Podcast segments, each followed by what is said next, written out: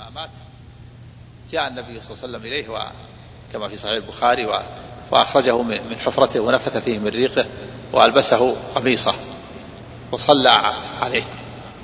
فأخذ عمر لما جاء يصلي بثوبه وقال تصلي وهو منافق. فقال النبي أخر عني يا عمر فإني خيرت. فقيل استغفر لهم أو لا تستغفر لهم. إن تستغفروا سبعين فلن يغفر الله لهم ثم صلى عليه فنزلت بعد ذلك الآية. ولا تصلي على أحد منهم مات أبدا ولا تقم على قبره. إنهم كفروا بالله ورسوله وماتوا فلم يصلي على أحد بعد ذلك عليه الصلاة والسلام. نعم. من من يتلفظ بكلمات أو بألفاظ أو يأتي بعبارات تنافي الدين. تنافي إذا كانت كلمات كفرية يؤاخذ بها. وإذا كانت دون ذلك يعزر نعم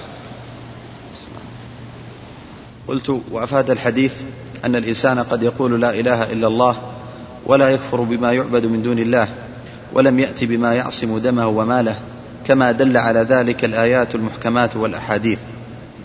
قال المصنف رحمه الله تعالى وشرح هذه الترجمة ما بعدها من الأبواب قلت وذلك أن ما بعدها من الأبواب فيه ما يبين التوحيد ويوضح معنى لا إله إلا الله وفيه أيضا بيان أشياء كثيرة من الشرك الأصغر والأكبر وما يوصل إلى ذلك من الغلو والبدع مما قوله الترجمة. قوله. أحسن الله قال المصنف رحمه الله تعالى وشرح هذه الترجمة ما بعدها من الأبواب. قلت وذلك أن ما بعدها من الأبواب فيه ما يبين التوحيد ويوضح معنى لا إله إلا الله وفيه أيضا بيان أشياء كثيرة من الشرك الأصغر والأكبر. وما يوصل إلى ذلك من الغلو والبدع مما تركه مما تركه من مضمون لا إله إلا الله. فمن عرف ذلك وتحققه تبين له معنى لا إله إلا الله. وما دلت عليه من الإخلاص ونفي الشرك وبضدها تتبين الأشياء. فبمعرفة الأصغر من الشرك يعرف ما هو أعظم منه من الشرك الأكبر المنافي للتوحيد. وأما الأصغر فإنما ينافي كماله فمن اجتنبه فهو الموحد حقا.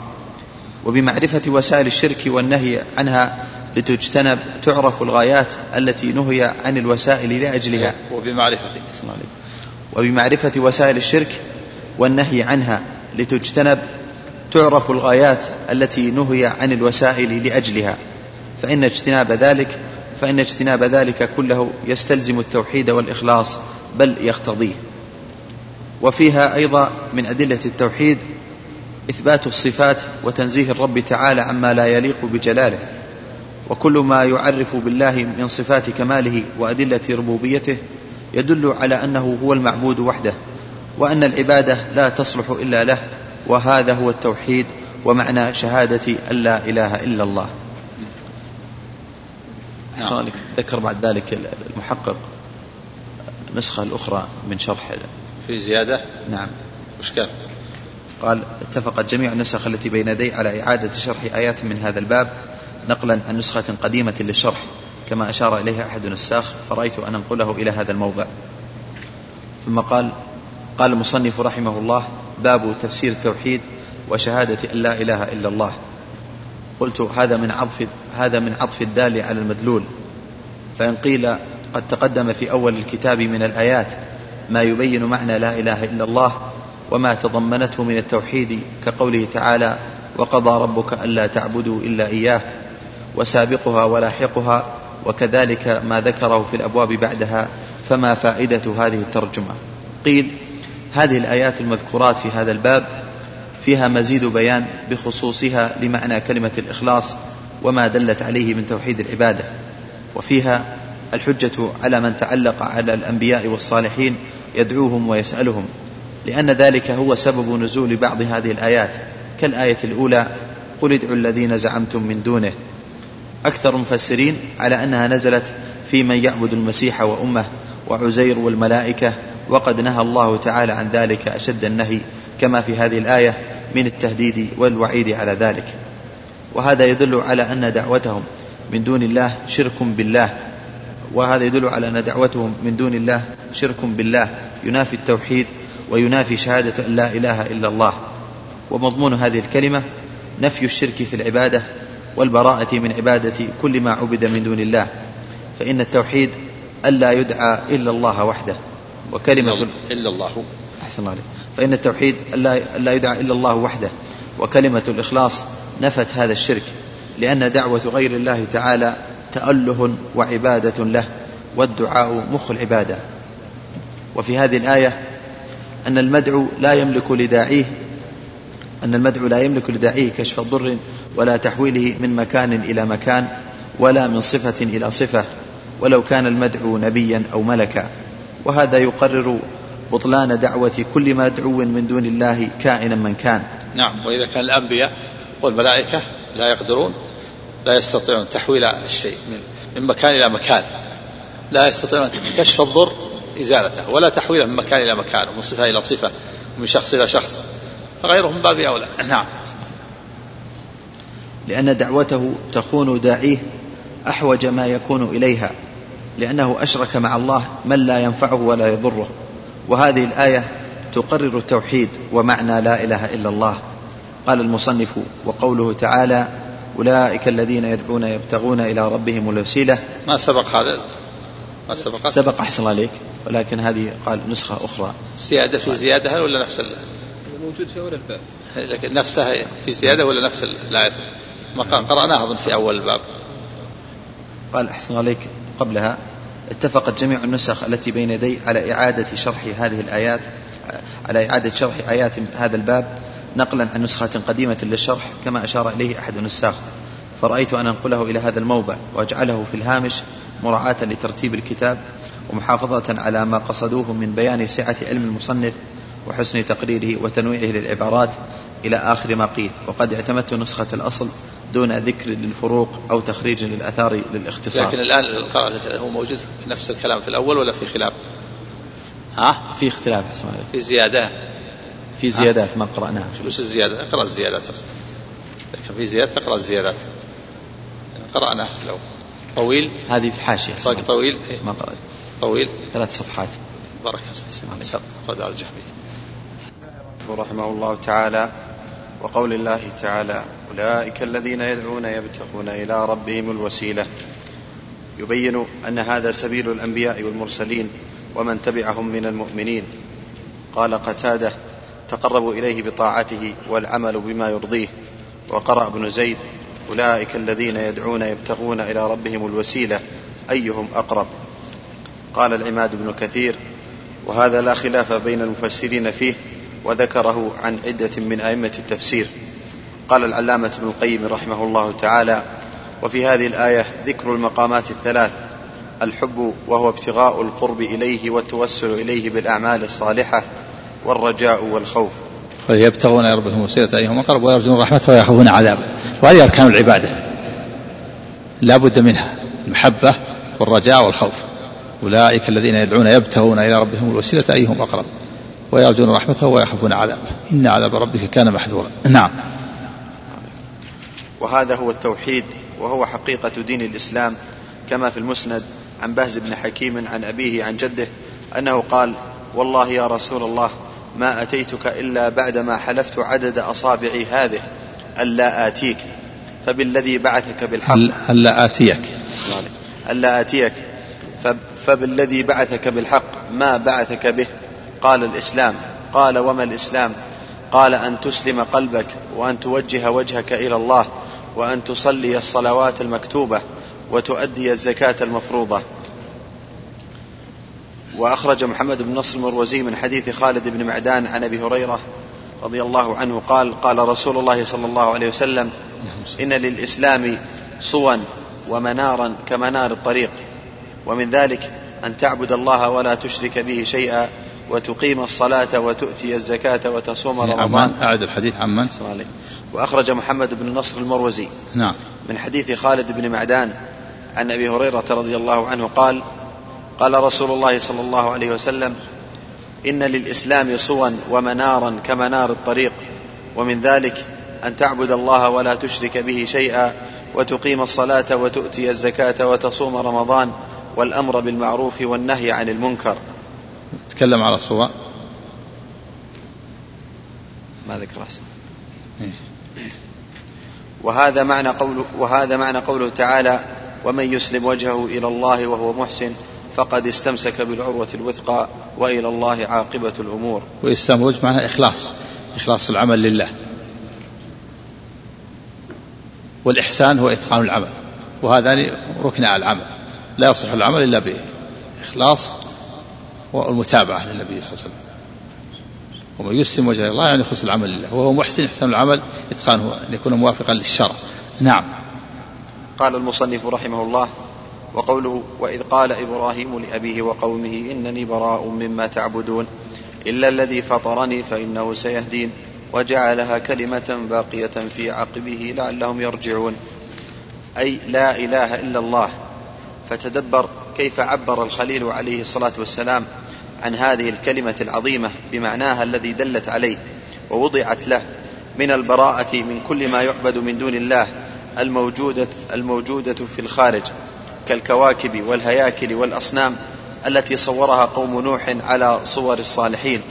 ود, ود وسواع ويغوث ود وسواع ويغوث ويعوق ونسر وغيرها من الأوثان والأنداد التي كانت يعبدها المشركون بأعيانها. ولم يستثني من جميع المعد... ولم يستثني من جميع المعبودات إلا الذي فطره وهو الله وحده.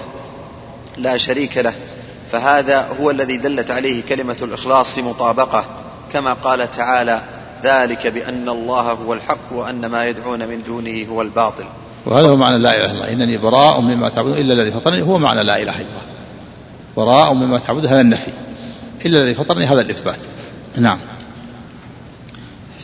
وفي كل عبادة يقصد بها غير الله من دعاء وغيره فهي باطلة وهو الشرك الذي لا يغفره الله. قال تعالى ثم قيل لهم أين ما كنتم تشركون من دون الله؟ قالوا ضلوا عنا بل لم نكن ندعو من قبل شيئا. كذلك يضل الله الكافرين.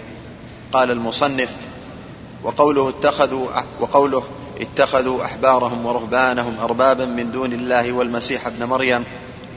وفي الحديث الصحيح أن رسول الله صلى الله عليه وسلم تلا هذه الآية على عدي بن على عدي بن حاتم الطائي رضي الله عنه فقال يا رسول الله لسنا نعبدهم. قال أليس يحلون ما حرم الله فتحلونه ويحرمون ما أحل الله فتحرمونه؟ ما أحل الله. أحسن الله. ويحرمون ما أحل الله فتحرمونه. قال بلى. فقال النبي صلى الله عليه وسلم. فتلك عبادتهم.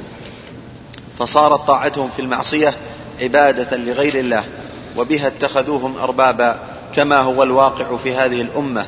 وهذا من الشرك الأكبر المنافي للتوحيد الذي هو مدلول شهادة أن لا إله إلا الله. والمراد طاعتهم في التحليل والتحريم.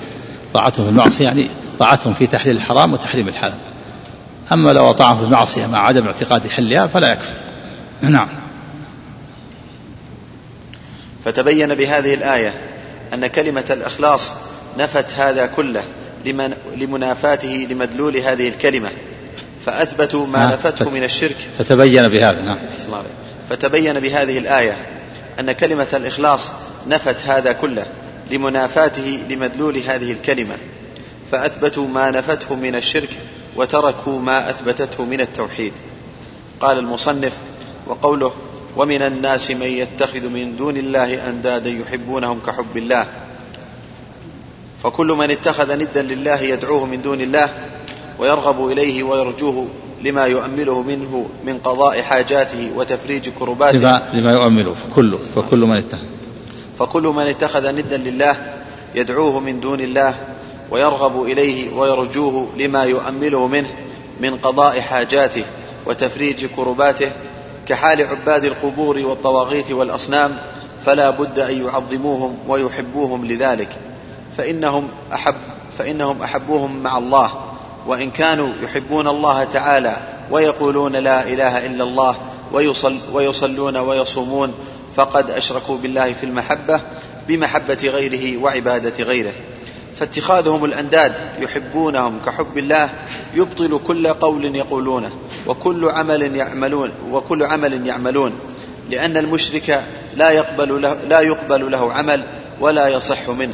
وهؤلاء وإن قالوا لا إله إلا الله فقد تركوا كل قيد قيدت به هذه الكلمة من العلم بمدلولها لأن المشرك جاهل بمعناها ومن جهله بمعناها جعل, جعل لله شريكا في المحبة وغيرها.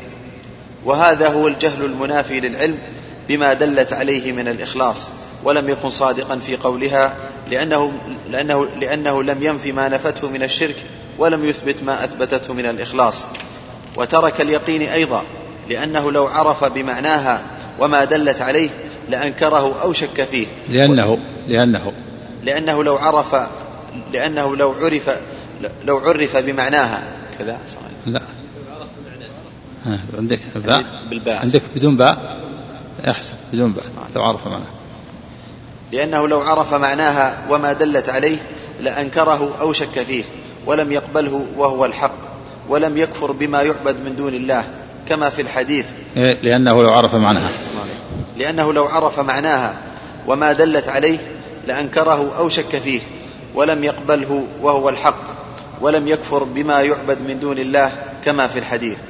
بل آمن بما يعبد من دون الله باتخاذه الند ومحبته له وعبادته من دون الله كما قال تعالى والذين آمنوا أشد حبا لله لأنهم أخلصوا له الحب فلم يحبوا إلا هو ويحبون من أحب ويخلصون أعمالهم جميعها لله ويكفرون بما عبد من دونه. فبهذا تبين لمن وفقه الله تعالى لمعرفة الحق وقبوله دلالة هذه الآيات العظيمة على معنى شهادة أن لا إله إلا الله وعلى التوحيد الذي هو معناها الذي دعت إليه جميع الرسل فتدبر. هذا هذا زيادة الآن ولا موجودة؟ قال المحقق أحسن عليك. هذا بعض النسخ اتفقت على هذا الشرح. فأخره لمراعاة تنسيق الكتاب. ها؟ قال فأخر هذا الشرح لمراعاة تنسيق الكتاب. في الأول ما قرأناه في الأول؟ في الأول قرأناه. نعم بس شرح طيب. مختلف. نعم كم؟ قال فيه مسائل. فيه أكبر المسائل وأهمها وهي تفسير التوحيد وتفسير الشهادة وبينها بأمور واضحة. منها آية الإسراء. بين فيها الرد على المشركين الذين يدعون الصالحين ففيها بيان أن هذا هو الشرك الأكبر. أولئك الذين يدعون يبتغون إلى ربهم الوسيلة. أو قل ادعوا الذين زعمتم من دونه. أولئك الذين يدعون. نعم. يعني أن هذه الآية فالذين يدعون غير الله دعوتهم لغير الله منافية للشرك. نعم. ومنها آية براءة. دعوتهم غير الله هي الشرك منافية للتوحيد. نعم. تفسير التوحيد وشهادة أن لا إله إلا الله البراءة يعني من الشرك والمشركين وإخلاص التوحيد لله نعم. ومنها آية براءة. بين فيها أن أهل الكتاب اتخذوا أحبارهم ورهبانهم أربابا من دون الله. وبين بأن حيث أطاعوهم في التحليل والتحريم. لما أطاعوهم في التحليل والتحريم اتخذوهم أربابا نعم. وبين بأنهم لم يؤمروا إلا بأن يعبدوا إلها واحدا مع أن تفسيرها الذي لا إشكال فيه طاعة العلماء والعباد في المعصية لا دعاؤهم إياهم. يعني في المعصية في التحليل. طاعتهم في المعصية في التحليل. في المعصية من تحليل الحرام وتحريم الحلال. طاعتهم في المعصية من تحليل حرام الحرام وتحليل وتحريم الحلال. نعم. ومنها قول الخليل عليه الصلاة والسلام للكفار إنني براء مما تعبدون إلا الذي فطرني. نعم هذه الآية فسرت التوحيد وشهادة لا إله إلا الله وهي البراءة من كل معبود سوى الله وإثبات العبادة لله وحده. هذا تفسير التوحيد إنني براء مما تعبدون إلا الذي فطرني. ليس المراد قولها باللسان لا إله إلا الله؟ نعم. فاستثنى من المعبودين ربه نعم. وذكر سبحانه أن هذا أن هذه البراءة وهذه الموالاة هي تفسير شهادة أن لا إله إلا الله. هذه البراءة. البراءة والموالاة هي تفسير الله. براء مما تعبدون إلا الذي فطرني فهو يوالي ربه ويتبرأ من عبادة كل معبود سوى الله. نعم. وذكر سبحانه أن هذه البراءة وهذه الموالاة هي تفسير شهادة أن لا إله إلا الله. فقال وجعلها كلمة باقية في عقبه لعلهم يرجعون. ومنها آية البقرة في الكفار الذين قال الله فيهم وما هم بخارجين من النار. ومن الناس من يتخذ من دون الله أندادا يحبونهم كحب الله. اتخاذ الند من الله ينافي التوحيد. نعم. أحسن عليك ومنها آية البقرة في الكفار الذين قال الله فيهم وما هم بخارجين من النار. ذكر أنهم يحبون أندادهم كحب الله. فدل على أنهم يحبون الله حبا عظيما ولم يدخلهم في الإسلام. فكيف بمن أحب الند أكبر من حب الله؟ نعم إذا كان إذا كان الذي يحب الله لا يدخل في الإسلام إذا كان يحب ندا مع الله فكيف بمن لا يحب إلا الند؟ يكون شركه أعظم وأعظم. الذي يحب الله حبا عظيما لكنه يحب معه ندا يكون مشرك. فكيف إذا كان يحب الند أعظم من حب الله. فكيف إذا كان لا يحب إلا الند؟ أعظم وأعظم. نعم.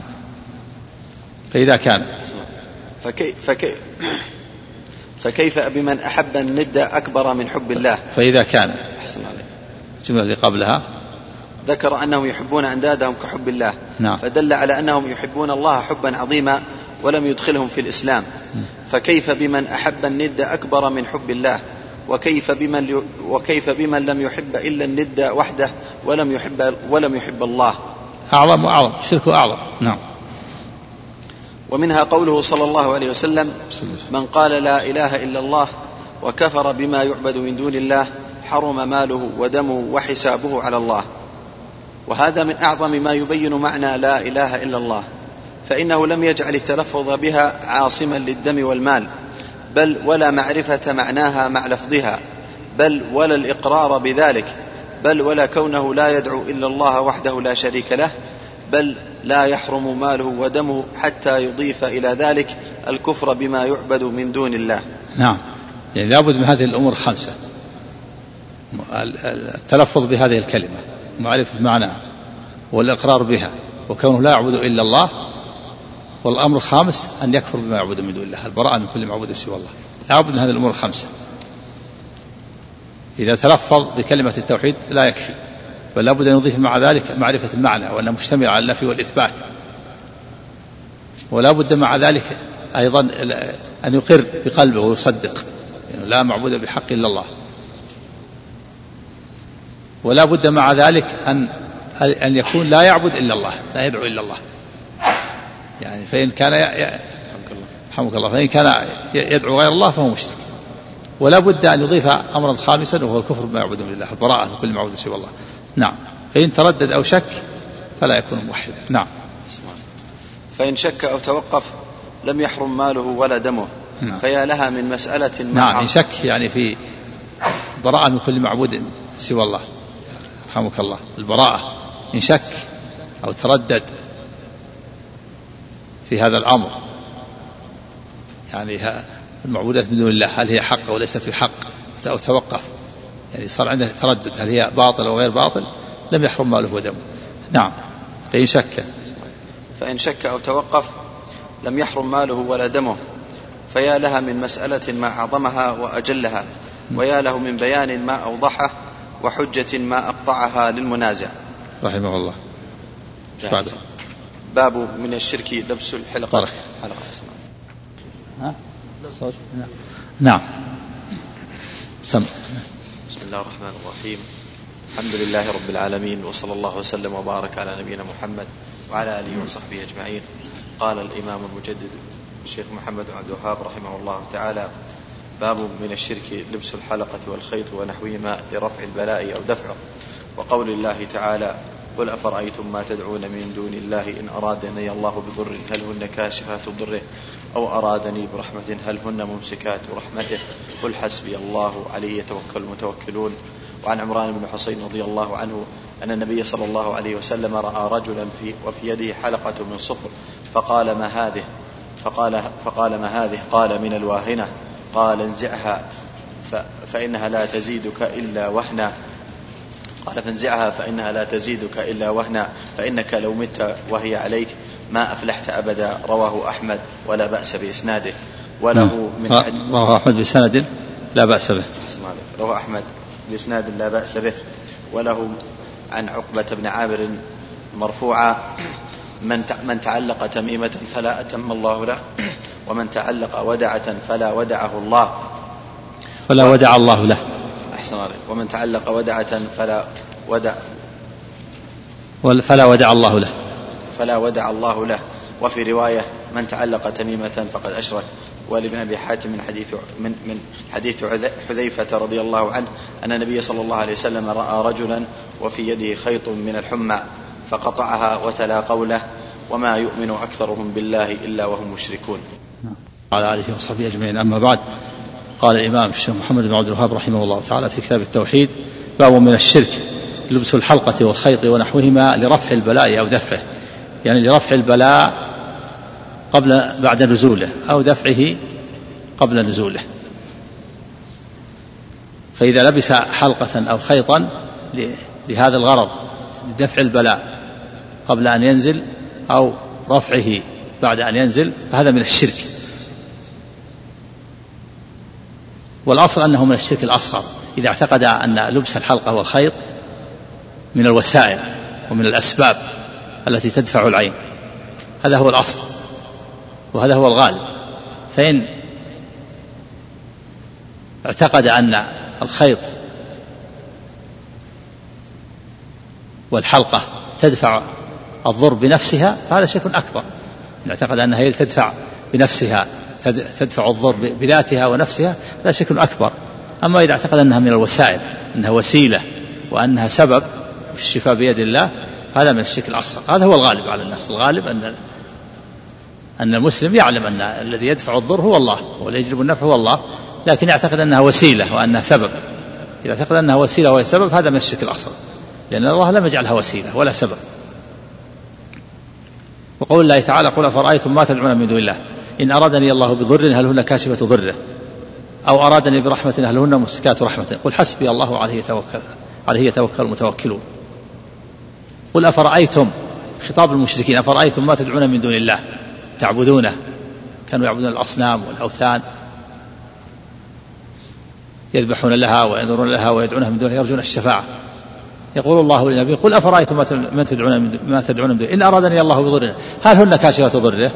يعني هل تستطيع أن تكشف الضر هذه المعبودات؟ لا تستطيع أو أرادني برحمته هل هن ممسكات رحمته؟ هل تمسك الرحمة؟ هل تجلب الخير؟ لا لا تستطيع ذلك فإذا كانت المعبودات لا تكشف الضر ولا تجلب النفع فعبادتها باطلة الذي لا يستطيع أن يدفع ضرا رحمك الله ولا يستطيع أن يجلب نفعا إنه لا فهو لا يستحق العبادة. ولهذا قال قل حسبي الله عليه يتوكل عليه يتوكل المتوكلون ولبس الحلقة والخيط على أنها وسيلة وأنها سبب وإن كان من الشرك الأصغر داخل في الآية لأن السلف يستدلون على الشرك الأصغر بما نزل في الشرك الأكبر. وهذه الآية في الشرك الأكبر. قل أفرأيتم ما تدعون من دون الله إن أرادني الله بضر. هل إن أرادني بضر هل هن كاشفات ضر كاشفات ضره؟ أو أرادني برحمة هل هن ممسكات رحمته؟ يعني هذه المعبودات من الأصنام هم عبدوها من دون الله وأشركوا بالله شركا أكبر. فالله تعالى يخاطبهم يأمر بها أن يخاطبهم بأنها لا تنفع لا تدفع ضرا ولا تجلب نفعا. فستكون عبادتها باطلة. وكذلك من لبس الحلقة والخيط لرفع البلاء أو دفعه وإن كان يعتقد أنها وسيلة فهو داخل في ذلك. إذا كانت لم يجعلها الله وسيلة فهي باطلة لأن الله لم يجعلها وسيلة فليست وسيلة وليست سبب. وإنما يعلق الإنسان رجاءه وأمله بالله فهو النافع الضار. ولهذا قال قل حسبي الله عليه توكل عليه يتوكل المتوكلون. وعن عمران بن حسين رضي الله عنه أن النبي صلى الله عليه وسلم رأى رجلا في يده حلقة من صفر. فقال ما هذا؟ قال من الواهنة. استفهام يعني لماذا وضعتها؟ قال من الواهنة وهو مرض يأخذ في العضد يصيب الرجال خاصة. يعني جعلتها لدفع هذا المرض وهو الواهنة. فقال النبي صلى الله عليه وسلم انزعها فإنها لا تزيدك إلا وهنا. فإن يعني لا تزيدك إلا مرضا. فإنك لو أفلحت لو مت وهي عليك ما أفلحت أبدا. رواه أحمد بسند لا بأس به. وجاء في الحديث الآخر أنه عمران بن نفسه هو الذي وضع الحلقة. إذا كان الصحابي لو فعلها لا يفلح أبدا فكيف بغيره؟ والحديث وإن كان فيه سنده لين إلا أن له شواهد. ولهذا قال المؤلف رواه أحمد لا بأس به سنده المبارك في بعض اللين لكن الحديث له شواهد. وفيها أن النبي صلى الله عليه وسلم ما عذر في هذا. وسيأتي المصنف يستنبط أنه لا يعذر بالجهالة. ما عذر في هذا. لأنه يمكن أن يسأل النبي صلى الله عليه وسلم في هذا. فإذا فالجاهل إذا كان يستطيع أن يسأل فليس بمعذور. وله عن عقبة بن عامر يعني الإمام أحمد. عن عقبة بن عامر المرفوع من تعلق تميمة فلا أتم الله له ومن تعلق ودعة فلا ودع الله له. هذا دعاء. دعاء من النبي صلى الله عليه وسلم على من تعلق تميمة. والتميمة هو ما يعلق من الحروز أو الخيوط أو بشعر الذئب أو العظام لأجل دفع العين يعلق فيها على يجعله الإنسان في رقبته أو في يده أو في إصبعه أو على الصبيان أو على النساء. أما الذي يعلق على الحيوان يسمى وتر. وهي من وسائل الشرك. وهي من الوسائل الشرك ومن من الشرك الأصغر من وسائل الشرك الأكبر. إذا اعتقد أنها سبب. والنبي صلى الله عليه وسلم دعا عليه من تعلق به فلا أتم الله له فلا أتم الله له. وهذا يدل على بطلانها. يعني من تعلق تميمة فإن الله لا يتم له أموره.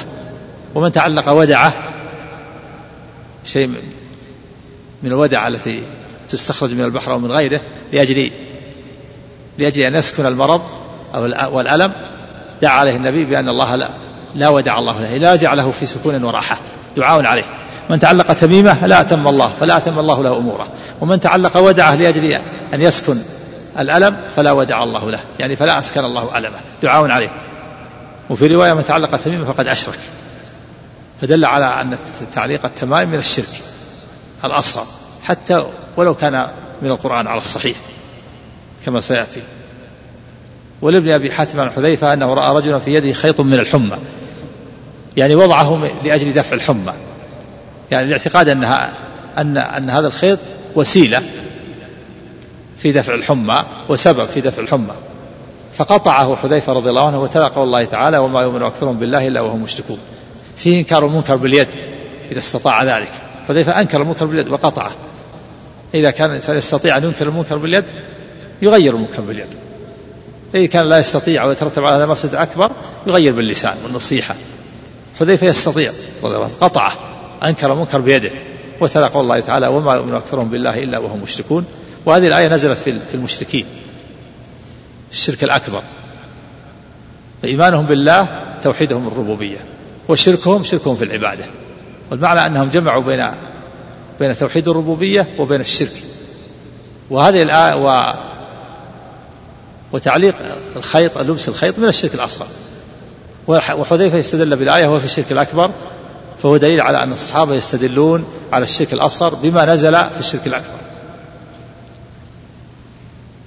لدخول الشرك الأصغر في عموم الشرك ولأنه من وسائله. وهذا يدل على أنه لا يجوز للإنسان أن يعلق خيطا ولا من أجل أن يكون سببا ولهذا أنكر الصحابي على هذا هذا الرجل وقطعه فدل على أن تعليق الخيوط والحروز في اليد جعلها في اليد أو في الأصبع أو في الرقبة كل هذا من الشرك. نعم.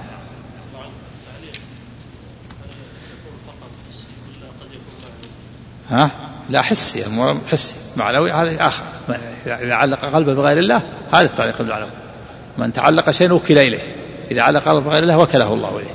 هذا التعليق المعنوي لكن هذا التعليق الحسي يعني. نعم. سم. نعم. نعم. نعم هذا بعض العلماء رأى هذا. دخوله في عموم الشرك. ومعنى كونه لا يغفر أنه يؤاخذ به. إن كان له حسنات راجحة سقط من الحسنات ما يقابل هذا الشرك. وإن كان له سيئات وإن رجحت السيئات عذب بهذا الشرك الأصغر ثم يخرج إلى الجنة. بخلاف الشرك الأكبر فإنه يخلد في النار صاحبه. نعم. وقال آخر من العلم الحكم حكم أهل الكبائر. لكن ظاهر النصوص أنه أن له حكم خاص لأن الشرك يتعلق بالقلوب وصرفها عن الله. نعم. بخلاف الكبائر. فإنها من طاعة الهوى والشيطان. نعم.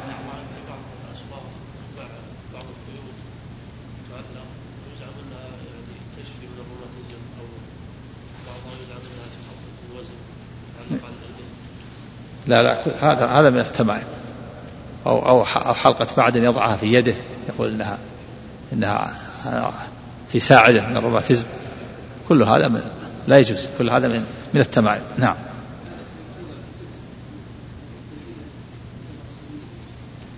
في الأذن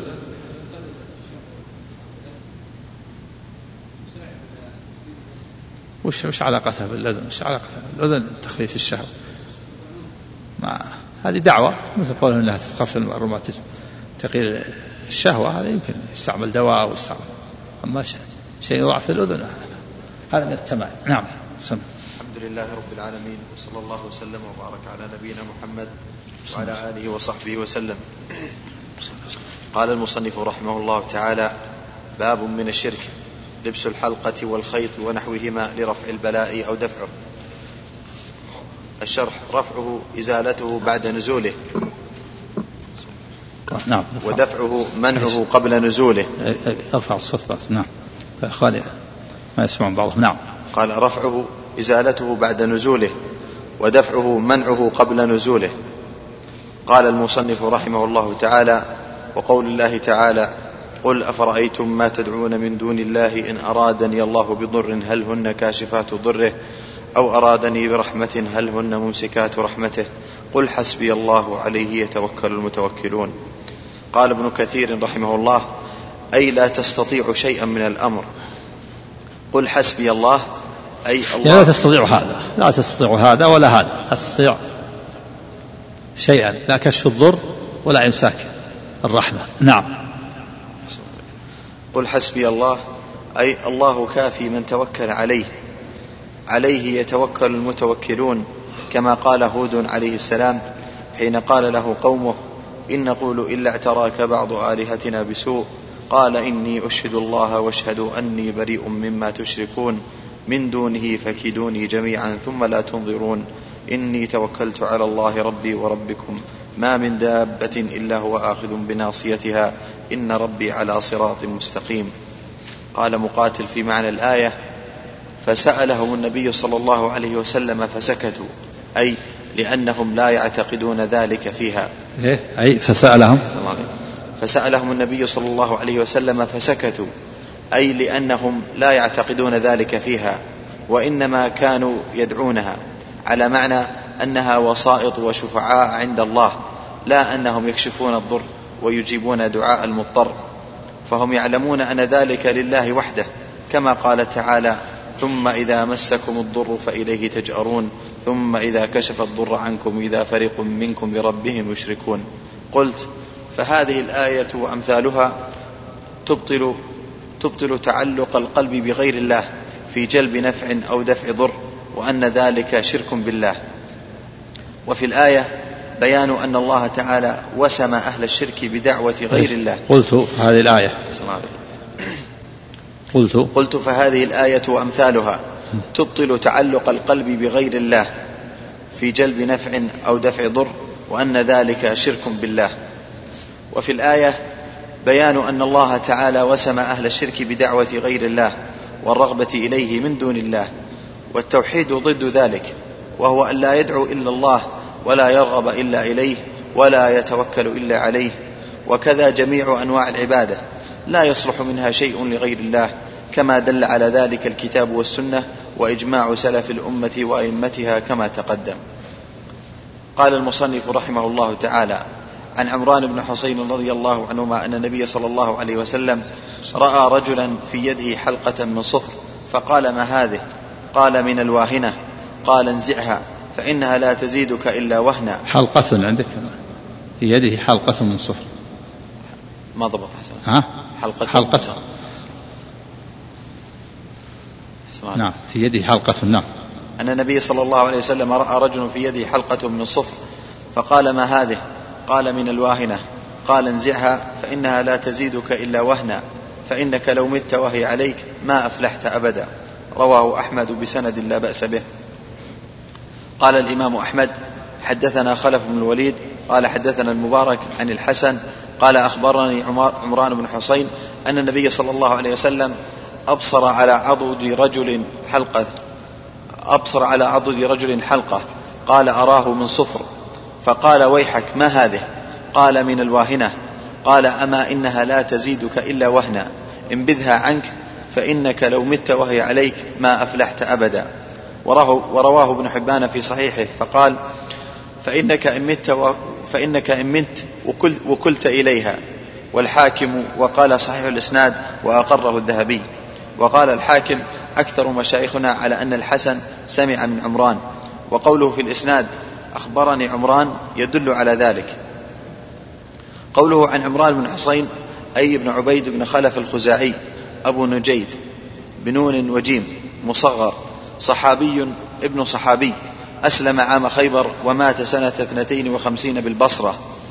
قوله رأى رجلا وفي رواية الحاكم دخلت على رسول الله صلى الله عليه وسلم وفي عضدي حلقة من صفر. يعني في رواية أنه هو نفسه عمران. هو الذي دخل في يد الحلقة. نعم هو الراوي نفسه. نعم. وفي رواية الحاكم دخلت على رسول الله صلى الله عليه وسلم وفي عضدي حلقة من صفر. فقال ما هذه الحديث؟ فالمبهم في رواية أحمد هو عمران راوي الحديث. قوله ما هذه؟ يحتمل أن الاستفهام للاستفصال عن سبب لبسها ويحتمل أن يكون للإنكار وهو أظهر. قوله من الواهنة قال أبو السعادات الواهنة عرق يأخذ, يأخذ في المنكب وفي اليد كلها. في, في المنكب. يعني الكتف. الكتف والعضد. نعم. قال أبو السعادات الواهنة عرق يأخذ في المنكب وفي اليد كلها فيرقى منها. وقيل هو مرض يأخذ في العضد وهي تأخذ الرجال دون النساء وإنما نهي عنها لأنه, إن لأنه إنما اتخذها على أنها تعصمه من الألم وفيه اعتبار المقاصد. قوله انزعها فإنها لا تزيدك إلا وهنا. النزع هو الجذب بقوة. أخبر أنها لا تنفعه بل تضره وتزيده ضعفا. وكذلك كل أمر نهي عنه فإنه لا ينفع غالبا وإن نفع بعضه فضره فضره أكبر من نفعه.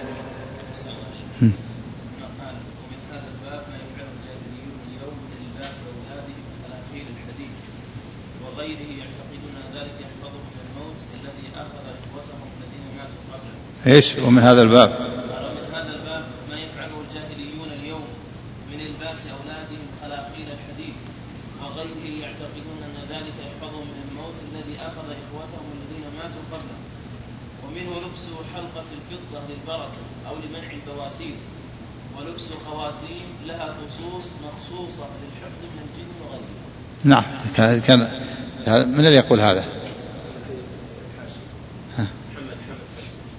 ها؟ إيه هذا عندهم. هذا ما هو موجود عند أحد يلبس الخلاخيل. هذا نعم إذا كان يعمل بهذا القصد هو هو من هذا الباب. من هذا الباب. نعم. إيش؟ في مصر. محمد حامد الفقي مصري. يمكن عنده في مصر. ولكن هو هو من هذا الباب. من الخلاخيل قصد دفع الموت أو دفع العين. إن كان يعتقد أنها وسيلة وسبب شرك أصغر وإن كان يعتقد أنها تدفع بنفسها هذا شرك أكبر. نسأل الله السلامة والعافية. نعم.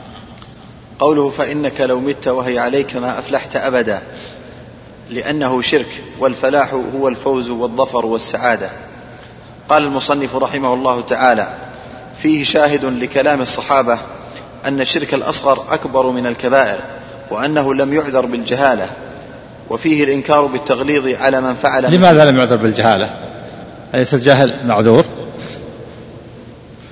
نعم. الجهل أقسام كما ذكر العلماء فالجاهل كما ذكر وغيره الذي يمكنه أن يتعلم ولا يتعلم لا يعذر يستطيع أن يسأل ويجد العلماء. كأنه من هذا الباب والله أعلم. عمران بن الحصين عند النبي صلى الله عليه وسلم. كيف يلبس الحلقة وهو ما لم لم يسأل النبي صلى الله عليه وسلم. كان يمكن أن يأتي النبي صلى الله عليه وسلم قال يا رسول الله أريد أن ألبس حلقة. أنا أحس بالوهن أحس بالألم. فلذلك لم يعذر. فالجاهل الذي يمكن أن يسأل فإنه لا لا يعذر. وهناك جاهل أيضا يريد. هناك جاهل يريد أن يتعلم يريد أن يسأل ولكنه ليس عنده جاهل عنده إرادة للسؤال وجاهل ليس عنده إرادة. فالجاهل الذي لا يريد من الأساس لا يريد أن يسأل فإنه لا يعذر. حتى ولو لو أراد السؤال ولم يجد فهو معذور لأن بسبب أنه لا يوجد عنده إرادة. وهناك جاهل يريد أن يسأل وسأل ولكنه لم يجد. ولا استطاع أن يهتدي هذا معذور.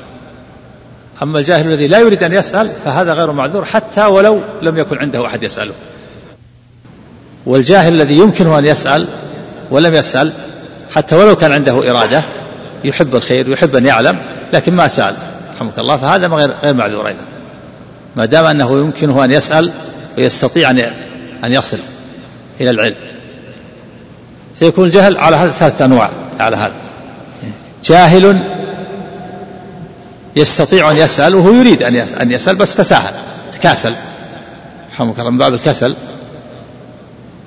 ولو سأل لوجد من يفتيه. هذا غير معذور. النوع الثاني جاهل يريد. لا لا يريد أن يسأل. ولكنه لو لو أراد ما وجد أحد. لكن ما يريد ما عنده إرادة. هذا غير معذور وجاهل آخر يريد أن يسأل وسأل وبحث وسأل ولم يجد. هذا معذور نعم. ولعل النبي صلى الله عليه وسلم لم يعذر عمران لأنه لأنه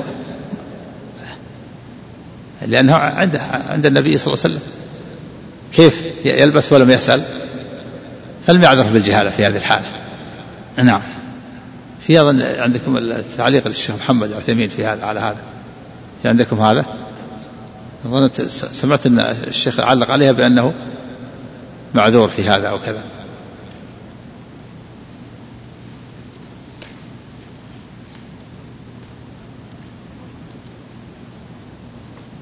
تعرض الجهالة في هذا؟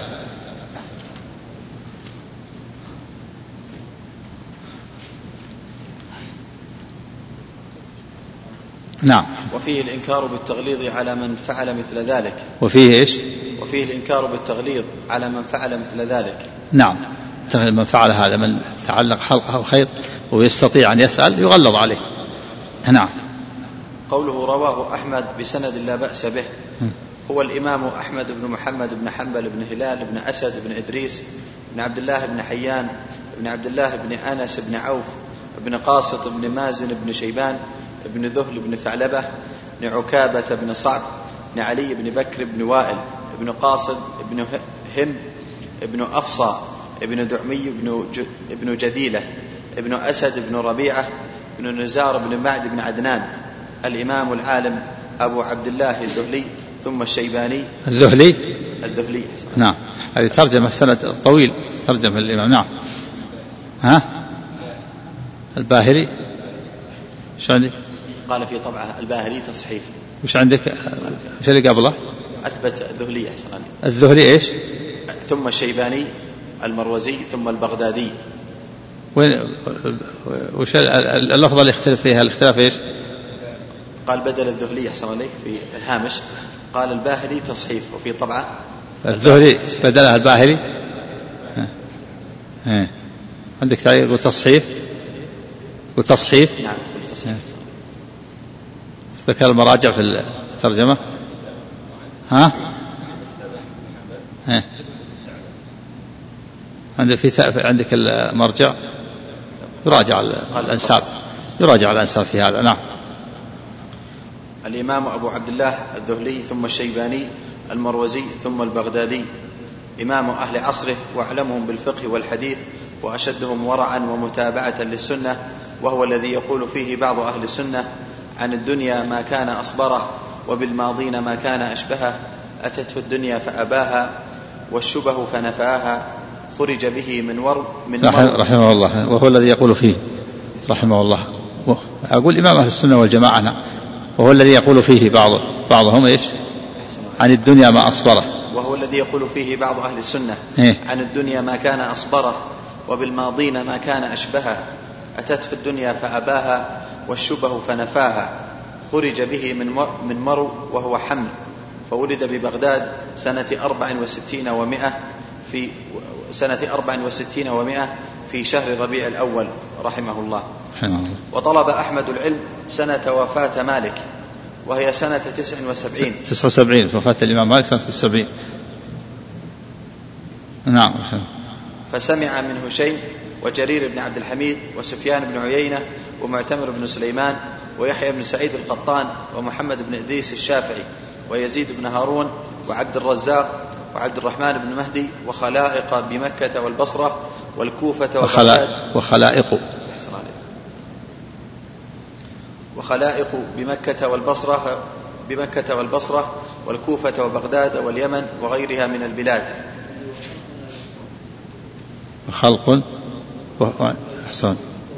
وعندك وخلائق نعم. وقال في الحاشية نعم لا بأس. المعنى متقارب. نعم. روى عنه ابناه صالح وعبد الله والبخاري ومسلم. روى عنه روى ابناه عنه ابناه نعم. صالح وعبد الله. والبخاري ومسلم وأبو داود وإبراهيم الحربي وأبو زرعة الرازي وأبو زرعة الدمشقي وعبد الله بن أبي الدنيا وأبو بكر الأثرم وعثمان بن سعيد الدارمي وأبو القاسم البغوي وهو آخر من حدث عنه وخلائق. نعم ولكنه في البخاري في الصحيح ما روى عنه لأنه شارك في أكثر شيوخه إلا في موضعين قال وقال لنا أحمد بن حنبل في موضعين قال وقال لنا أحمد بن حنبل في موضعين. وغيره ما روى عنه في الصحيح. لأنه السبب في هذا أنه شارك في شيوخه. البخاري شارك الإمام أحمد في كلام شيوخه. فلهذا استغنى. عنه. قال في موضعين قال وقال لنا أحمد بن حنبل. نعم. نعم. إيه. الله أعلم. نعم. صحيح هذا ملاحظة. نعم. وروى عنه من شيوخه عبد الرحمن بن مهدي والأسود بن عامر ومن أقرانه وروى عنه من شيوخه؟ وروى عنه من شيوخه. نعم. عبد الرحمن بن مهدي والأسود بن عامر م. ومن أقرانه علي بن المديني ويحيى بن معين. قال البخاري مرض أحمد لل- لليلتين خلتا من ربيع الأول ومات يوم الجمعة لاثنتي عشرة خلت من لاثنتي عشرة خلت منه. وقال حنبل مات يوم الجمعة في ربيع الأول سنة إحدى وأربعين ومائتين وله سبع, وسب وله سبع وسبعون سنة. وقال ابنه عبد الله والفضل, والفضل بن زياد مات في ثاني في ثاني عشر ربيع الآخر. إيش؟ وقال ابنه عبد الله وقال ابنه عبد الله نعم. والفضل بن زياد مات في ثاني عشر ربيع الآخر رحمه الله تعالى. قال المصنف رحمه الله تعالى وله عن عقبة بن عامر. بارك. س- سم. يراجع ترجمة يا سالم يراجع في ترجمة الإمام أحمد بسبب الت- التكنية في أبي عبد الله راجع في التراجم نعم وجدت شيء تخبرني. نعم.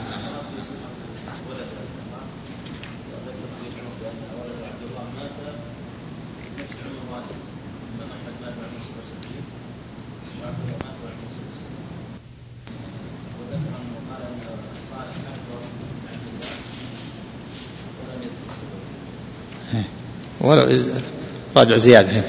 في عدة تراجم نعم. صلى الله عليك كلام الشيخ محمد حفظه الله. إيه. المسألة الثالثة. إيه.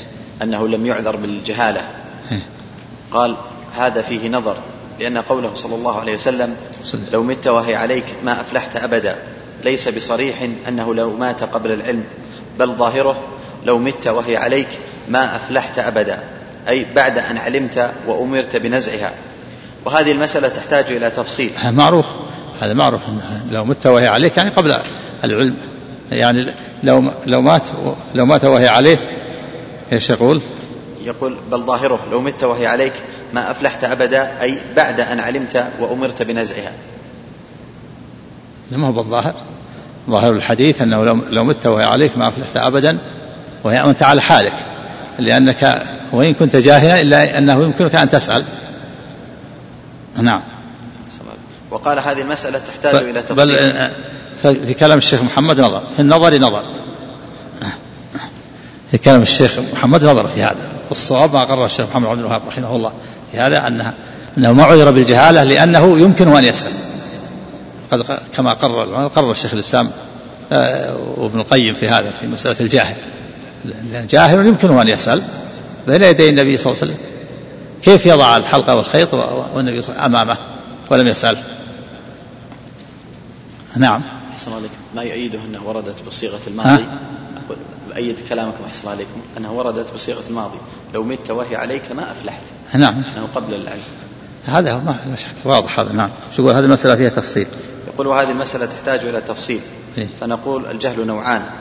جهل يعذر فيه الإنسان وجهل لا يعذر فيه. فما كان ناشئا عن تفريط وإهمال مع قيام المقتضي للتعلم فإنه لا يعذر فيه سواء في الكفر أو في المعاصي. وما كان ناشئا عن خلاف ذلك أي أنه لم يهمل ولم يفرط ولم يقم المقتضي للتعلم. ولم إيش؟ و... أي أنه لم يهمل ولم يفرط ولم يقم المقتضي للتعلم.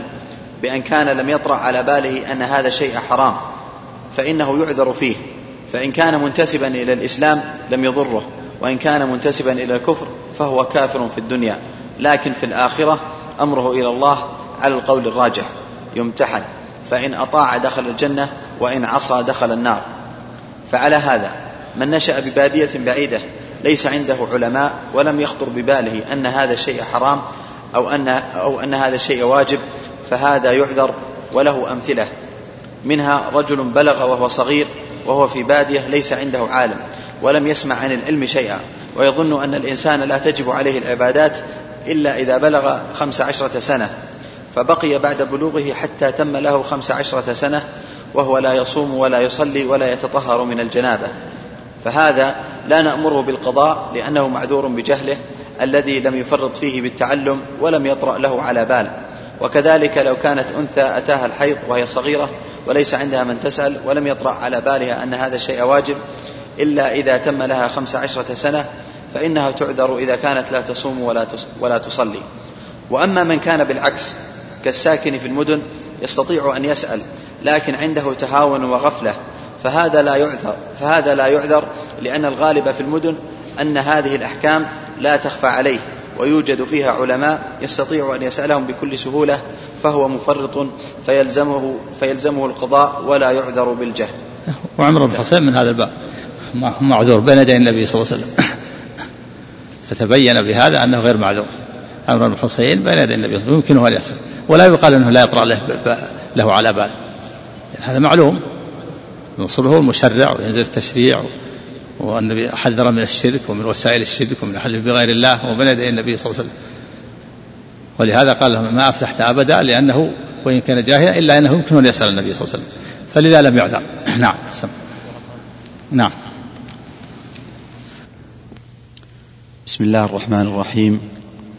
الحمد لله رب العالمين. صلى الله وسلم وبارك على نبينا محمد وعلى آله وصحبه أجمعين.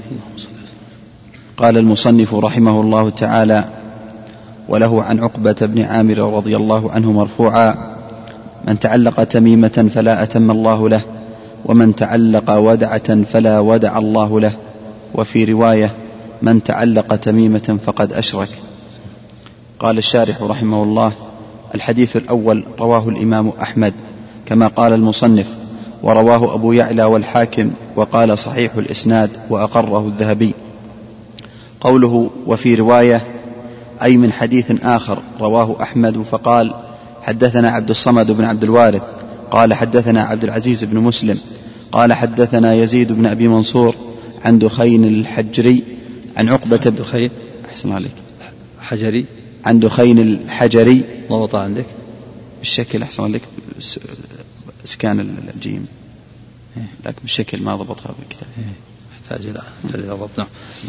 قال حدثنا يزيد بن أبي منصور عن دخين الحجري عن عقبة بن عامر الجهني رضي الله عنه أن رسول الله صلى الله عليه وسلم أقبل إليه رهط فبايع تسعة وأمسك عن واحد.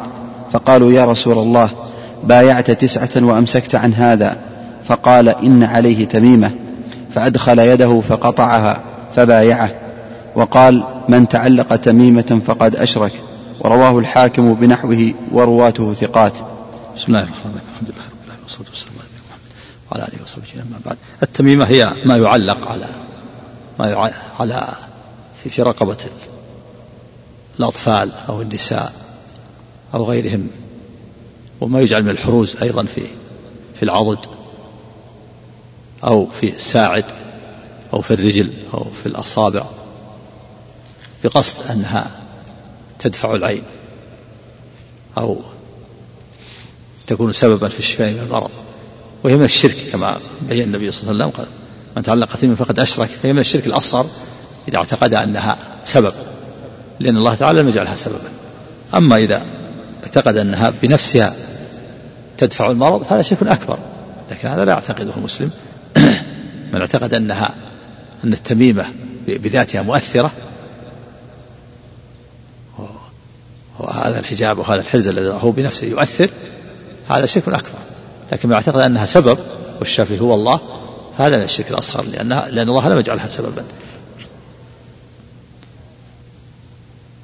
وسواء كانت هذا الحرز أو هذا الحجاب سواء كان من خيوط أو أو شعر أو جلد أو يكتب أو كتاب يكتب فيه آيات من القرآن أو غيره. والصواب أنه أن التميمة منهي عنها. ولو كانت ولو كانت من القرآن. هذا هو الصواب الذي عليه جمهور, جمهور العلماء. وذهب بعض العلماء وبعض الصحابة إلى أن التميمة إذا كانت من من القرآن فلا بأس بها استثنات لأنها من القرآن ولأن القرآن شفاء. والصواب المنع الصواب المنع لعموم الأدلة لأن الأدلة عامة من تعلق تميمة فقد أشرك هذا عام ولم يخص ولأنها وسيلة إلى إلى تعليق ولأنه إذا رخص لتعليق التميمة من القرآن كان وسيلة إلى تعليق ما ليس من القرآن. ولأنها وسيلة إلى إلى الامتحان إذا كان إذا كانت من القرآن فإنها وسيلة تعليقها وسيلة إلى امتحانها إلى امتحان ما فيه ذكر الله دخول بيت الخلاء دخول الحمام وما أشبه ذلك. فالصواب المنع وإن كان عن بعض الصحابة عن عائشة وعبد الله بن عمرو وغيرهم آه، الترخيص التميمة إذا كانت من غير القرآن لكن الصواب المنع لعموم الأدلة ولأنها وسيلة إلى تعليق ما ليس من القرآن ولأنها وسيلة ولأن التعليق وسيلة إلى امتحانها. نعم. أحسن قوله عن عقبة بن عامر رضي الله عنه صحابي مشهور فقيه فاضل ولي إمرة مصر لمعاوية رضي الله عنه ثلاث سنين ومات قريبا من الستين. قوله من تعلق تميمة أي علقها متعلقا بها قلبه في طلب خير في طلب خير أو دفع شر. نعم يعني أعتقد أنها وسيلة أنها وسيلة وذريعة إلى جلب الخير أو دفع الضر. لا أنها بذاتها تدفع الخير تجلب الخير أو تدفع الشر. يعني إذا أعتقد أنها بذاتها تدفع الخير أو تجلب الخير أو تدفع الشر صار شركا أكبر. نعم. قال المنذري خرزة كانوا يعلقونها يرون أنها تدفع عنهم الآفات وهذا جهل وضلالة إذ لا مانع ولا دافع غير الله تعالى. نعم فالله تعالى هو مانع, مانع الشرور وهو وهو الدافع هو الذي يدفع الشرور ويمنعها سبحانه وتعالى وهو الذي يجيب الخير. نعم. وقال أبو السعادات التمائم جمع تميم. قال تعالى ما يفتح الله للناس من رحمة فلا ممسك لها وما يمسك فلا مرسل له من بعده. وقال النبي صلى الله عليه وسلم في حديث ابن عباس واعلم أن الأمة لو اجتمعوا على أن ينفعوك بشيء لم ينفعوك إلا بشيء قد كتبه الله لك. ولو اجتمعوا على أن يضروك بشيء لم يضروك إلا بشيء قد كتبه الله عليك. رفعت الأقلام وجفت الصحف. نعم. وقال أبو السعادات التمائم جمع تميمة وهي خرزات كانت العرب تعلقها على أولادهم يتقون بها العين في زعمهم فأبطله الإسلام. نعم. قوله فلا أتم الله له دعاء عليه. قوله ومن يعني الرسول دعا على من؟ أتى العقد بأن الله لا يتم له أموره. بل تكون أموره ليست تامة بل ناقصة. معاملة له بنقيض قصده. علق التميمة يريد أن يدفع عنه الضر. أو يجلب له النفع. فدعا عليه النبي صلى الله عليه وسلم بأن لا يتم الله أموره معاملة له بنقيض بنقيض قصده ومن تعلق ودع فلا ودع الله عليه. دعاء عليه بأن الله لا يجعله في دعة ولا سكون. معاملة له بنقيض قصده نسأل الله السلامة والعافية. نعم. قوله ومن تعلق ودعة بفتح الواو وسكون المهملة قال في مسند الفردوس الودع شيء يخرج من البحر شبه الصدف يتقون به العين. قوله فلا ودع الله له بتخفيف الدال أي لا جعله في دعة وسكون. قال أبو, السع... قال أبو السعادات وهذا دعاء عليه.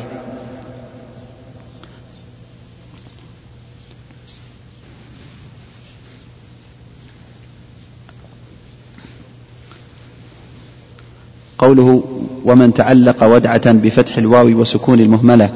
قال في مسند الفردوس الودع شيء يخرج من البحر شبه الصدف يتقون به العين. قوله فلا ودع الله له بتخفيف الدال أي لا جعله في دعة وسكون قال أبو السعادات وهذا دعاء عليه. قوله وفي رواية من تعلق تميمة فقد أشرك قال أبو السعادات إنما جعلها شركا لأنهم أرادوا دفع المقادير المكتوبة عليهم وطلبوا دفع الأذى من غير الله الذي هو دافعه. قال أبو السعادات قال أبو السعادات وهذا دعاء عليه. قوله وفي رواية من تعلق تميمة فقد أشرك قال أبو السعادات إنما جعلها شركا لأنهم أرادوا دفع المقادير المكتوبة عليهم وطلبوا دفع الأذى من غير الله الذي هو دافعه. نعم لأن نعم لم جعلها وسيلة. والله لم يجعلها وسيلة. نعم. قال المصنف رحمه الله تعالى ولابن أبي حاتم عن حذيفة رضي الله عنه أنه رأى رجلا أنه رأى رجلا في يده خيط من الحمى فقطعه وتلا قوله وما يؤمن أكثرهم بالله إلا وهم مشركون. قال ابن أبي حاتم حدثنا محمد بن الحسين بن إبراهيم بن إشكاب قال حدثنا يوسف بن محمد قال حدثنا حماد بن سلمة عن عاصم الأحول عن عروة قال دخل حذيفة دخل حذيفة رضي الله عنه على مريض فرأى في عضده سيرا فقطعه أو انتزعه ثم قال وما يؤمن أكثرهم بالله إلا وهم مشركون. وابن أبي حاتم وهذا هذا من استدلال السلف الصحابة على الشرك الأصغر بما نزل في الشرك الأكبر. فإن هذه الآية نزلت في الشرك الأكبر. قال تعالى وما يؤمن أكثرهم بالله إلا وهم مشركون. نزلت في المشركين. فإيمانهم هو توحيدهم. توحيدهم الله في ربوبيته. والشرك هو شركهم في العبادة. فجمعوا بين الإيمان بتوحيد الربوبية والشرك في العبادة. وحذيفة رضي الله عنه استدل بهذه الآية على الشرك الأصغر. وإن كانت الآية نزلت في الشرك الأكبر إلا أن إلا أن عموم الآية تشمل يشمل الشرك الأصغر. فلما كان عموم الشرك يشمل الأصغر والأكبر استدل حذيفة بهذه الآية وإن كانت نزلت في الشرك الأكبر على ما نزل على ما على الشرك الأصغر استدل على الشرك الأصغر بما نزل في الشرك الأكبر. ولهذا لما رأى هذا هذا الرجل قد وضع في يده خيط من الحمى قطعة وتلا هذه الآية وما أكثرهم بالله إلا وهم مشركون. يعني أنت وإن كنت مؤمن وإن كنت موحد إلا أن هذا شرك أصغر تعليق هذا الخيط من الشرك الأصغر وهو من الذرائع والوسائل الشرك الأكبر. نعم. وابن أبي حاتم هو الإمام أبو محمد عبد الرحمن بن أبي حاتم محمد بن إدريس الرازي التميمي الحنظلي الحافظ صاحب الجرح والتعديل والتفسير وغيرهما مات سنة سبع وعشرين وثلاثمائة. وحذيفة هو ابن اليمان واسم اليمان حسيل بمهملتين مصغرا رضي الله عنه ويقال حسن بكسر ثم سكون العبسي بالموحدة حليف الأنصار صحابي جليل من السابقين ويقال له صاحب السر وأبوه أيضا صحابي مات حذيفة في أول خلافة علي رضي الله عنه سنة ست وثلاثين. قوله رأى رجلا في يده خيط من الحمى أي عن الحمى وكان الجهال يعلقون التمائم والخيوط ونحوهما لدفع الحمى. وروى وكيع عن حذيفة أنه دخل على مريض يعوده فلمس, فلمس عضده فإذا فيه خيط فقال وروى وكيع. وروى وكيع عن حذيفة أنه دخل على مريض يعوده فلمس عضده فإذا فيه خيط فقال ما هذا؟ قال شيء رقي لي فيه فقطعه وقال لو مت وهو عليك ما صليت عليك. يعني عقوبة له حتى تنفيرا له. من المعلوم أنه أنه لا يعلم إذا مات لكن يحذره الآن وهو في الحياة. يقول أنت يعني عليك أن تتوب من الله فإنك لو لو مت وهي عليك ما صليت عليك. نعم. وفيه إنكار مثل هذا وإن كان يعتقد أنه سبب. فالأسباب لا يجوز منها إلا ما أباحه الله تعالى ورسوله صلى نعم. الله عليه وسلم. ينكر هذا وإن كان يعتقد أنه سبب. يعتقد أنها سبب لكنه سبب ما جعله الله سببا. يكون شركا أصغر. أما لو اعتقد أنه ليس سبب وإنما هو بذاته يدفع الضر ويجلب النفع صار شركا أكبر. إذا اعتقد أنه سبب صار شركا أصغر. وإذا اعتقد أنه بذاته هو المؤثر صار شركا أكبر. نعم. عليك. وفيه إنكار مثل هذا وإن كان يعتقد أنه سبب. فالأسباب لا يجوز منها إلا ما أباحه الله تعالى ورسوله صلى الله عليه وسلم مع عدم الاعتماد عليها. وأما التمائم والخيوط والحروز والطلاسم ونحو ذلك مما يعلقه الجهال فهو شرك يجب إنكاره وإزالته بالقول والفعل وإن لم يأذن فيه صاحبه. يجب إنكاره إيش؟ يجب إنكاره. يجب إنكاره وإزالته بالقول والفعل وإن لم يأذن فيه صاحبه. نعم يجب يعني إنكار المنكر بالفعل كما فعل حذيفة رضي الله عنه. إلا إذا ترتب على هذا مفسدة يخشى يكون مفسدة أكبر يرفع به إلى ولاة الأمور حتى يزالها ينكر هذا المنكر. نعم. أحسن عليك الآن ما يعلق في غير الجسم مثل ما يعلق بعضهم على السيارة أو في البيت أو عند الباب أو كذا. يكون حكمه حكم نعم كذلك كذلك إذا اعتقد أنه سبب ما يفعل بعض الناس في السيارة يجعل شيء جلد جلد ذئب أو بعضهم يجعل مصحف يعتقد أنه أنه سبب في وقايته صار من جنس له حكم حكم التميمة نعم. أو يجعل في الغرفة كذلك إذا اعتقد أنه سبب. نعم وإن المصحف يقرأ الإنسان القرآن القرآن من المصحف ويتدبر ويتأمل ما يجعله المصحف حرز. نعم. قوله وتلا قوله وما يؤمن أكثرهم بالله إلا وهم مشركون. استدل حذيفة رضي الله عنه بالآية أن هذا شرك. ففيه صحة الاستدلال على الشرك الأصغر بما أنزله الله في الشرك الأكبر لشمول الآية. نعم يشمل الآية النوعين الشرك الأكبر والأصغر. عموم الشرك يشمل النوعين. نعم. ودخوله في مسمى الشرك. وتقدم معنى هذه الآية عن ابن عباس رضي الله عنهما وغيره والله أعلم.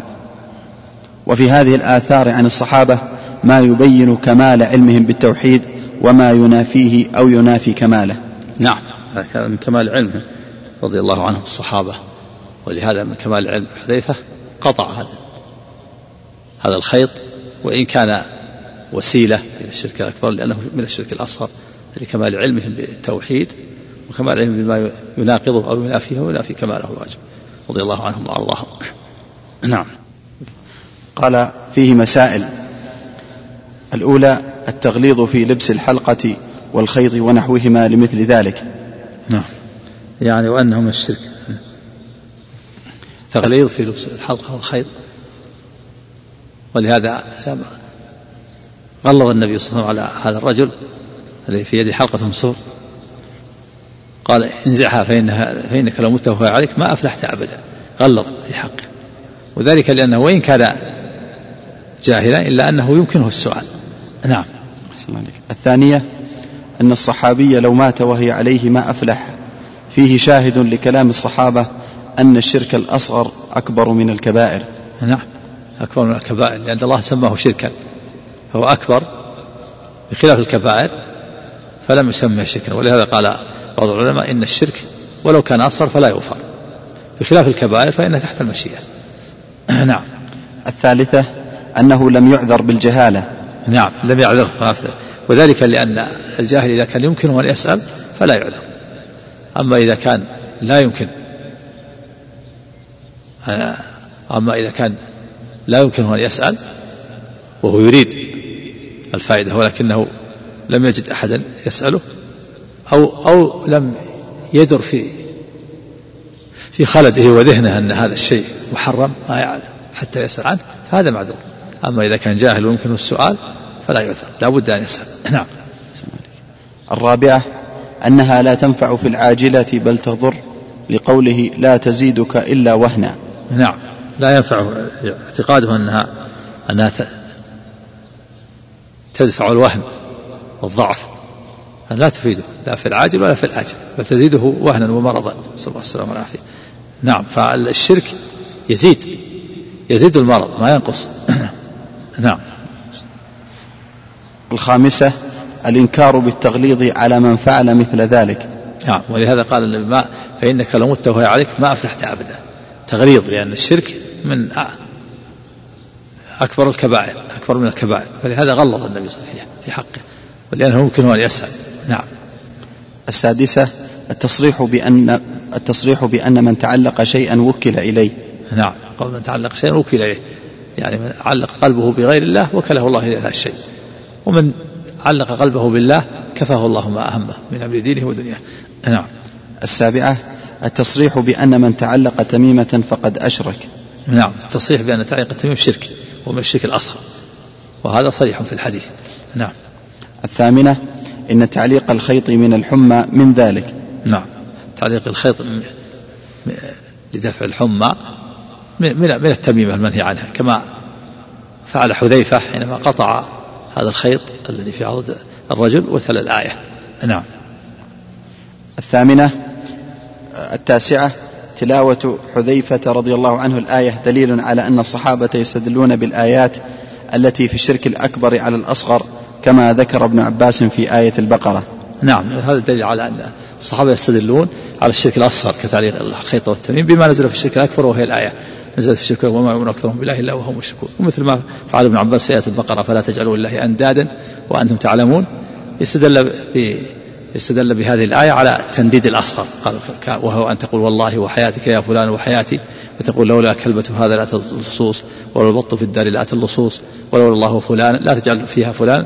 هذا كله به شرك هذا كله من الشرك الأصغر. والآية في الأندية فلا تجعل الله أندادا. أندادا شرك أكبر. وذلك لأن التنديد يدخل فيه التنديد الأكبر والتنديد الأكبر. الشرك الأكبر والشرك الأصغر. نعم. حسن لك قول النبي صلى الله عليه وسلم لولا أنا هذه في فيها لولا أنا لكان في الدرك الأسفل من النار هذا في قصه في قصة أبي طالب.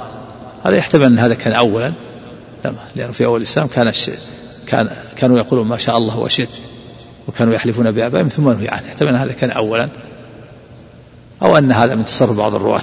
نعم. العاشرة أن تعليق الودعة عن العين من ذلك. نعم. تعليق الودعة وهي شيء يستخرج من البحر. من أجل العين دفع العين من من التمام المنهي عنها. نعم.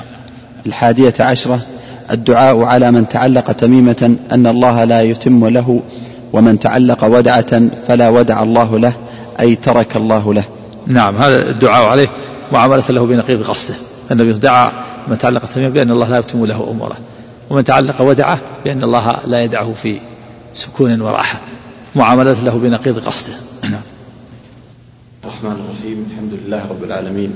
وصلى الله وسلم وبارك على نبينا محمد وعلى آله وصحبه أجمعين. قال المصنف رحمه الله تعالى باب ما جاء في الرقى والتمائم. في الصحيح عن أبي بشير الأنصاري رضي الله عنه أنه قال أنه أنه كان مع رسول الله صلى الله عليه وسلم في بعض أسفاره فأرسل رسولا أن لا يبقين بعير أن لا يبقين في رقبة في رقبة بعير أن لا يبقين في رقبة بعير. تميمة. قلادة بن وتر أحسن. ألا يبقين في رقبة بعير. قلادة قلادة فيها وتر. قلادة من وتر أو قلادة إلا قطعت. أحسن. أرسل رسولا ألا يبقين في رقبة بعير. قلادة من وتر أو قلادة إلا يقطعها. إلا قطعت. إلا قطعت. وعن ابن مسعود رضي الله عنه قال سمعت رسول الله صلى الله عليه وسلم يقول إن, إن, إن الرقى والتمائم والتولة شرك. رواه أحمد وأبو داود.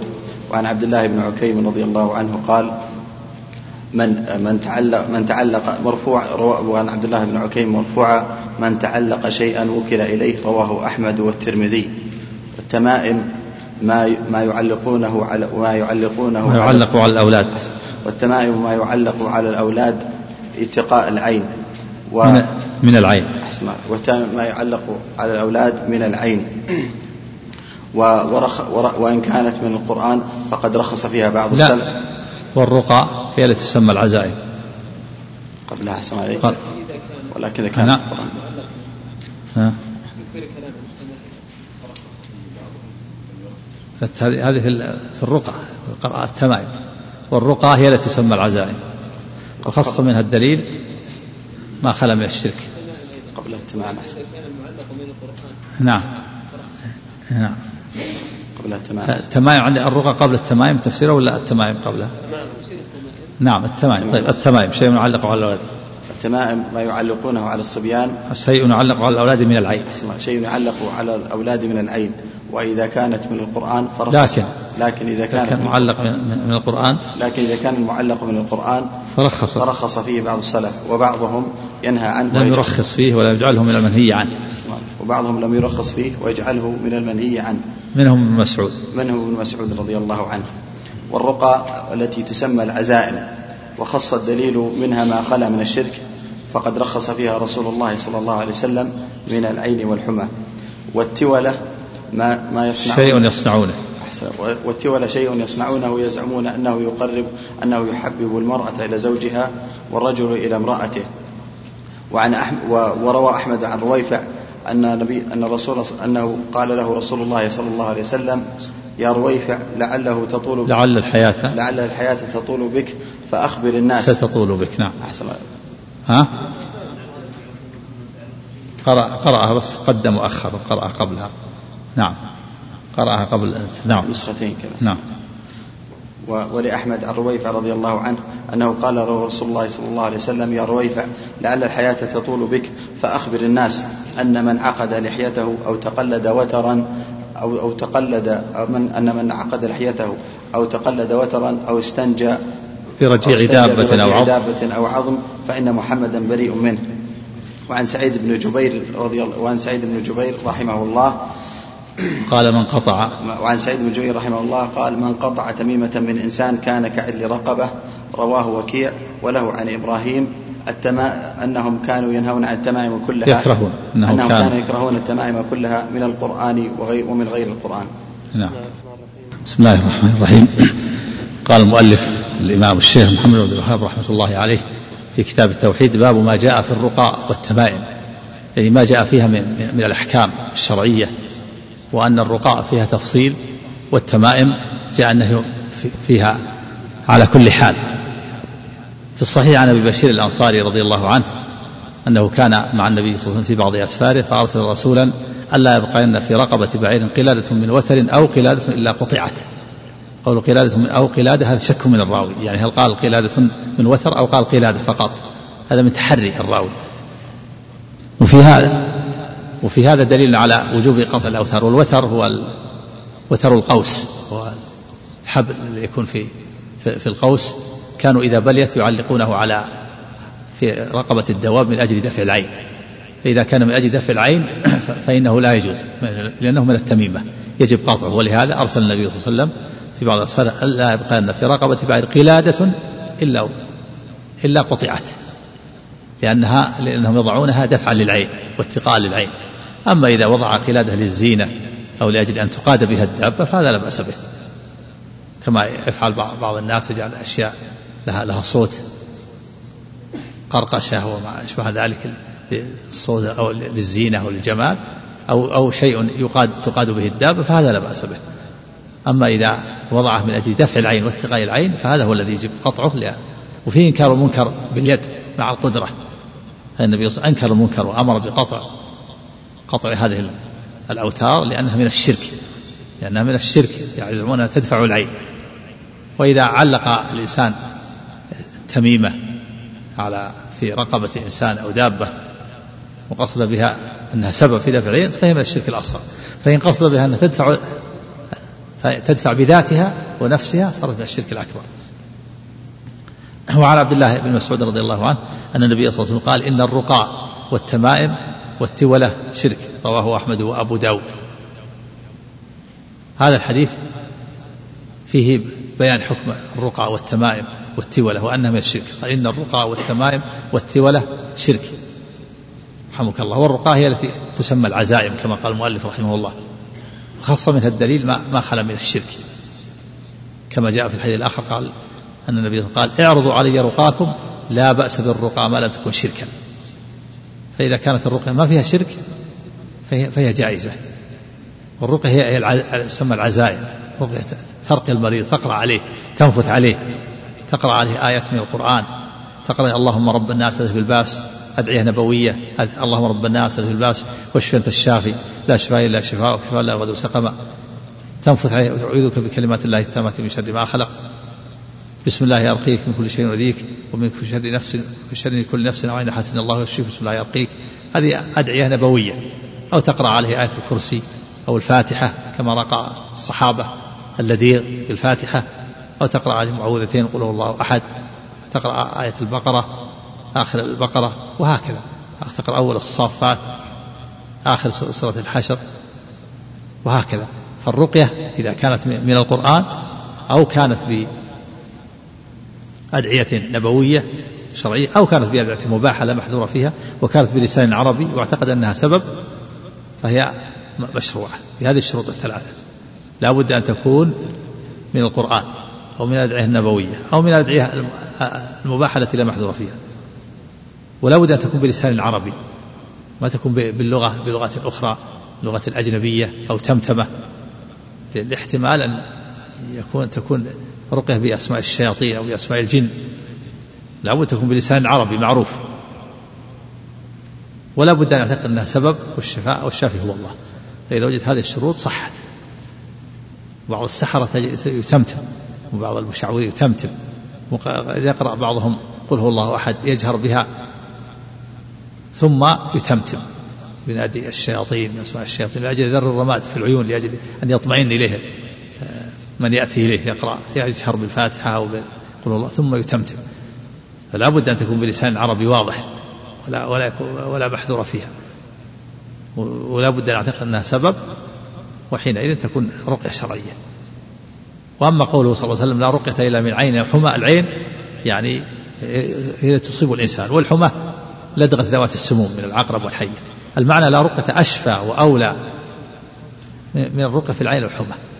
وليس المراد أن الرقية لا تكون إلا في العين الحمى بل المراد أن أنها أنفع ما تكون وأشفى بالعين الحمى. وإلا فكل كل مرض يرقى فيه كما في الحديث اعرضوا علي رقاكم لا بأس بالرقى ما لا تكون شركا. وأما التمائم فهي, فهي التي يعلق على الأطفال أو غيرهم لأجل دفع العين واتقاء العين. وأصلها حروز وخرزات تعلقها العرب على الأطفال اتقاء العين. فإذا علق في رقبته إنسان أو دابة إذا كانت دابة تسمى وتر أو مثلا إنسان أو غيره وضعها من أجل دفع العين فهي من التميمة. وسواء وضع في الرقبة أو في اليد أو في الأصبع أو في الرجل بعض بعضهم يجعل خيوط خيط تميمة في يده أو في رجله أو في أصبعه. أو يجعل أيضا حتى في الغرفة أو في السيارة يعلق بعض الناس حتى المصحف يجعله يتقي به دفع العين أو المصائب يكون هذا يكون من التميمة. المصحف كله لو وضعه وعلقه كان من التمائم.